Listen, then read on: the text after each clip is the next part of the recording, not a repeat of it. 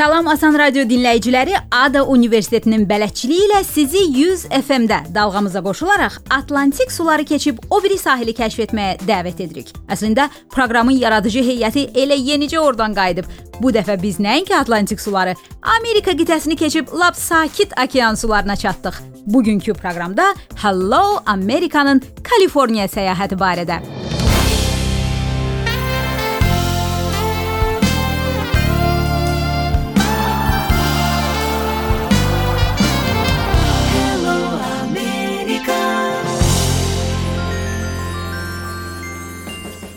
İqtisadiyyatı istənilən ABŞ ştatından və bir çox inkişaf etmiş ölkələrdən daha böyük Kaliforniyanın adına The Golden State, Qızıl ştat deyirlər. Bu ifadədə böyük də həqiqət var. Əsrarəngiz sahilyanı təbiətindən tutmuş işgüzar və yaradıcı insanlarına dək Kaliforniyalıların toxunduğu hər iş qızıla dönür. Ştatın cənubunda qlobal incəsənət meyllərini müəyyənləşdirən Hollywooddan şimalındakı dünyanın texnoloji nəbzini tutan Silikon vadisinədək Kaliforniya ən aparıcı beyinləri cəlb edən yerdir və təbii ki, müasir çağırışlara innovativ həll yolları tapan məkan. Hello Amerikada məhz bu həll yollarında maraqlı idi. Ona görə də yolumuzu Kaliforniyanın beşiyi hesab edilən kiçik Monterey şəhərindən saldıq. Burada yerləşən tarixi Colton Hall binasında 1849-cu ildə Kaliforniyanın ilk konstitusiyası imzalanıb. Elə onun yaxınlığında şəhər meneceri Hans Aslerlə söhbət etdik. Sualımız isə sadə idi. Əhalisi cəmi 28 min olan Monterey ildə 5 milyona yaxın turisti necə cəlb edir? Well, um, it requires that our uh, general service levels have to be higher Bunun üçün şəhər təklif etdiyi xidmətləri yüksək səviyyədə saxlayır. Ərazimizdə 32 park, çimərlik və istirahət zonası var. Onların hamısı həmişə təmiz, gözəl və müştərilərə hazır olmalıdır. Şəhər büdcəsinin 40%-i turizm hesabına dolur. Gəlirləri yenidən xidmətlərə yatırırıq ki, turizm axını davam eləsin. Məsələn, Montereydə pulsuz trolleybuslar xidmət göstərir. Buna ildə yarım milyon dollar xərcləsək də, trolleybuslardan istifadə turistləri öz avtomobillərindən çıxarır. Onlar pullu parkinq yerlərindən istifadə edirlər, tıxaclara səbəb olmur, muzeyləri, əyləncə yerlərini görməyə daha çox meylli olurlar. Nəzərə alsaq ki, biz Silikon vadisinin yaxınlığında yerləşirik şəhər şəraitində və gərgin iş rejimində yaşayan ailələr uşaqları ilə həftə sonu təbiət qoynuna çıxmaq istəyirlər. Biz onları geniş parklarımız, piyada və velosiped cığırlarımızla gözləyirik. Həftə günləri ərzində də şəhərin boş qalmamasına çalışırıq. Bu halda qurultay mərkəzimizdən istifadə edirik. Orada böyük tədbirlərin keçirilməsinə nail oluruq ki, Həftə günləri ərzində belə mehmanxanalar və restoranlar boş qalmasın. Axı turizm Montereydə yerli məşğulluq bazarının 22%-ni əhatə edir. Sakinlərimizin turistlərə geniş qucaq açması üçün şəhər turizm gəlirlərindən ildə 4 milyon vəsaiti məhəllələrin abadlaşdırılmasına sərf edir. Beləliklə, burada tək turistlər yox, yerli əhalinin də həyat keyfiyyəti qalxır. Hans Aslerlə söhbətimizi bitirib, biz də Montereyin sahilyanı ərazisində səliqəli cığırla addımlayırıq. Qarşımıza işarələrin birində doğma sözlər görünür. Lənkərana qədər 11576 kilometr var.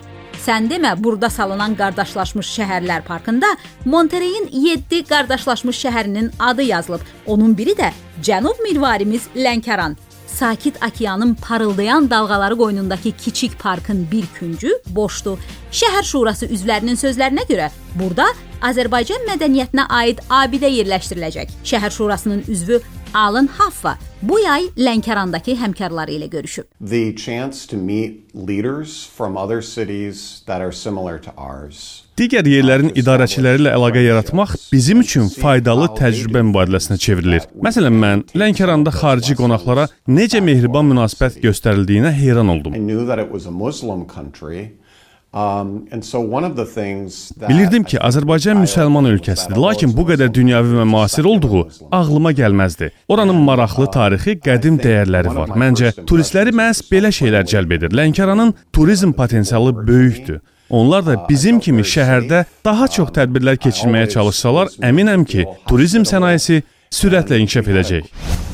Tədbirlərdən söz düşmüşkən, hər həftənin ikinci günü Montereyin mərkəzi Alvarado küçəsi nəqliyyata bağlanır. Çünki burada yerli fermerlərin yarmarkası təşkil edilir.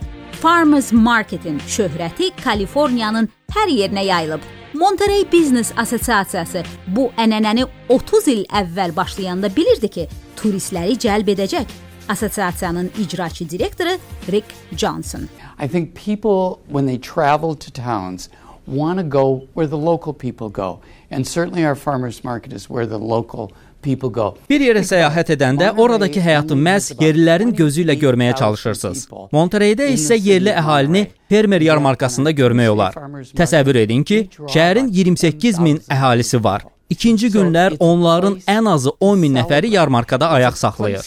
Burada tək tər meyvə tərəvəz alış-verişi etmirlər, həm də yemək alırlar. Qarşılarına çıxan qonşularla, dostlarla hal-əhval tuturlar. Hərdən elə yolun kənarındaca oturub söhbət edirlər. Burada hər həftə əsl bayram havası yaranır və bu ab-hava turistlərə çox xoş gəlir. Nəzərə alın ki, bütün gün mərkəzi küçədəki yerli bizneslər işləməsə də, turistlər onları görür və səhərsi gün bizneslər açılanda qayıdıb onlara da baş çəkirlər. Beləliklə turist axını hər yarmarka günündən sonra digər bizneslərə də müştərilər gətirir. Sonuncu iqtisadi böhran zamanı bütün kiçik bizneslər çətin günlər yaşayırdı. Onları həyatda saxlayan məhz fermer yarmarkası hesabına şəhərə axışan turistlər oldu. It's a great salad with a little of everything. Rick Johnson'ın qeyd etdiyi bayram ab-havası ilə razılaşmamaq çətindir. Hello America heyəti də əlində kamera ağ çətirləri dolaşıb yerli meyvə tərəvəzlərdən daddı. Asan Radionun direktoru Emin Musəvinin üzündəki sevinç hissini bir görərdiniz. İnanmırsınız? Facebook səhifəmizdə yerləşdirilən video reportajlardan izləyin. Şirələr təbii yolla hazırlanır. Biz indi dadına baxacağıq, sonra birini alıb içəcəm. Bu isə düydən və darçından hazırlanan şirədir. Maraqlıdır dadı necə olacaq. Mango daha ənənəvidir. Hi, I want to taste this please. And I will buy later. Horchata, yeah? Horchata.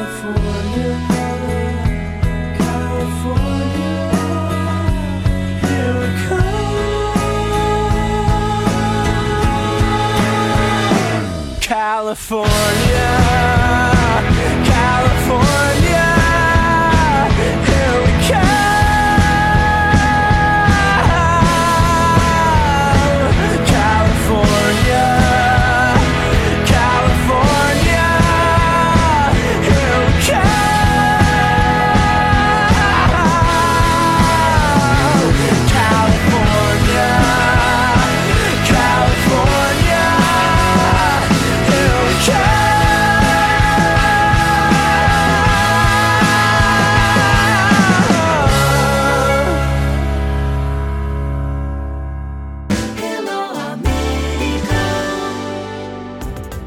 Hello America proqramının yaradıcı heyəti Dövlət Departamentinin xətti ilə Kaliforniyada səfərdə olub. Məqsədimiz sizi Amerikanın dünyaca məşhur Silikon vadisi ilə tanış etmək idi. Yüksək texnologiya, mühəndislik, innovasiya və sosial medianın baş qərargahı hesab edilən məkanla. Bir vaxtlar Kaliforniya texnologiya sənayesindən çox uzaq idi. Bunu bir professorun arzuları dəyişdi. 1930-cu illərdə Stanford Universitetində dərs deyən mühəndis Frederick Terman tələbələrini məzun olduqdan sonra ABŞ-ın şərq sahilindəki tanınmış elektrik şirkətlərinə işə düzəlmək əvəzinə Kaliforniyada qalıb öz bizneslərini açmağa həvəsləndirirdi.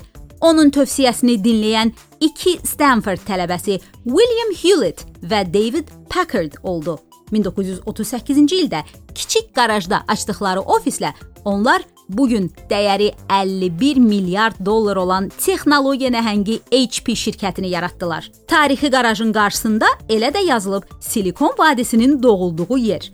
Həmkarım Emin Musavi oradan video reportaj da hazırlayıb. Azan Radionun Facebook səhifəsində izləyə biləcəksiniz. Həmin startapın ağaclarından biri məşhur Walt Disney oldu və Hewlett Packard brendi bu gün bütün dünyada ən məşhur brendlərdən biridir.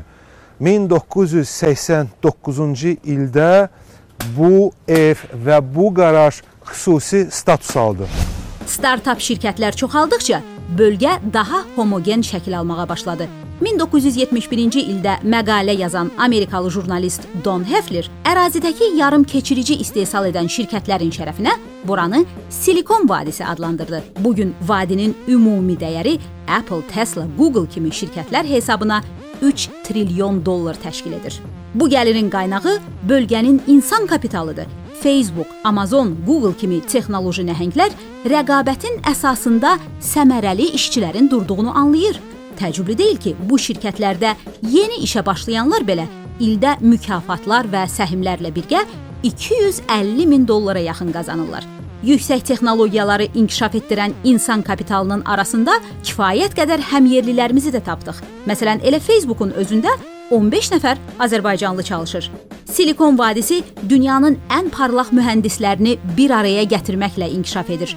Onların arasında Stanford Universitetində mühəndislik üzrə elmlər doktoru dərəcəsi alan Sabrina Əliyeva da var. Ali təhsilini Azərbaycan Dövlət Neft və Sənaye Universitetində geofizika ixtisası üzrə başlayan Sabrina hazırda Georgia Texnologiya İnstitutunda robototexnika üzrə təhsilini davam etdirir və eyni zamanda Silikon vadisindəki şirkətlərin birində süni intellektlə işləyir. So there was like a, this a board where you could wish to future women in tech like what would you wish right? And then i saw a little note there saying good luck from azerbaijan Kompüter sahəsində qadınların rolu mövzusunda beynəlxalq konfransda iştirak edirdim. Orda hamı divarda arzularını yazırdı. Yaxınlaşanda gördüm ki, ingiliscə Azərbaycandan hamıya uğurlar yazılıb. Sevinərək iştirakçılar arasında həmyerlilərimi axtarmağa başladım. Bu ADA Universitetinin informasiya texnologiyaları və mühəndislik fakültəsinin qız tələbəsi idi. Bakıya gedəndə ADA-nı ziyarət etdim və burada mühazirə oxudum. Tələbələrin gözündə parıltı, onların nə qədər həvəsli və bilikli olduğunu görmək sevindirici idi. Xüsusilə onların arasında Əslində qızların çox sayda olması. Çünki bildiyiniz kimi kompüter sahəsində çalışan qadınların sayı dünya miqyasında olduqca azdır.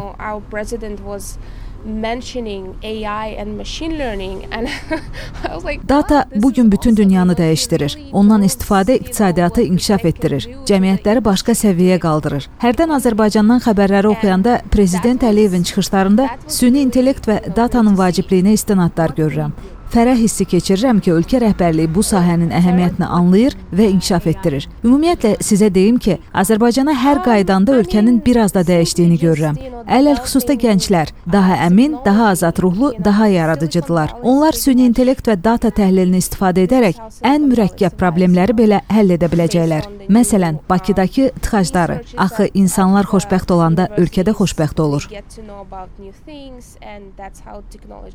Doğrudur Sabrina. Biz də xoşbəxtirik ki, Silikon vadisində sənin kimi intellektual uğur hekayəsi gənclərimizə örnək ola biləcək həmvətənimizlə görüşdük. Hello Amerikanın Kaliforniyaya səyahəti barədə video reportajları Asan Radionun Facebook səhifəsində izləyə bilərsiniz. Biz isə sizinlə növbəti cümə gününədək sağollaşırıq.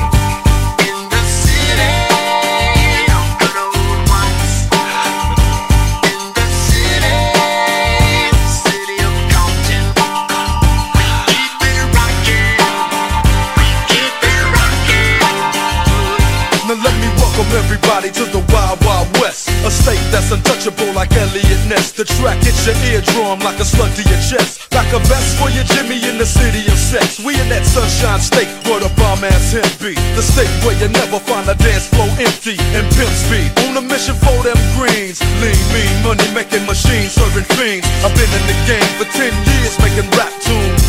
Ever since Honeys was wearing Sassoon, now it's 95 and they clock me and watch me diamond shining, looking like a Rob Liberace. It's all good from Diego to the Bay. Your city is Oh, I'm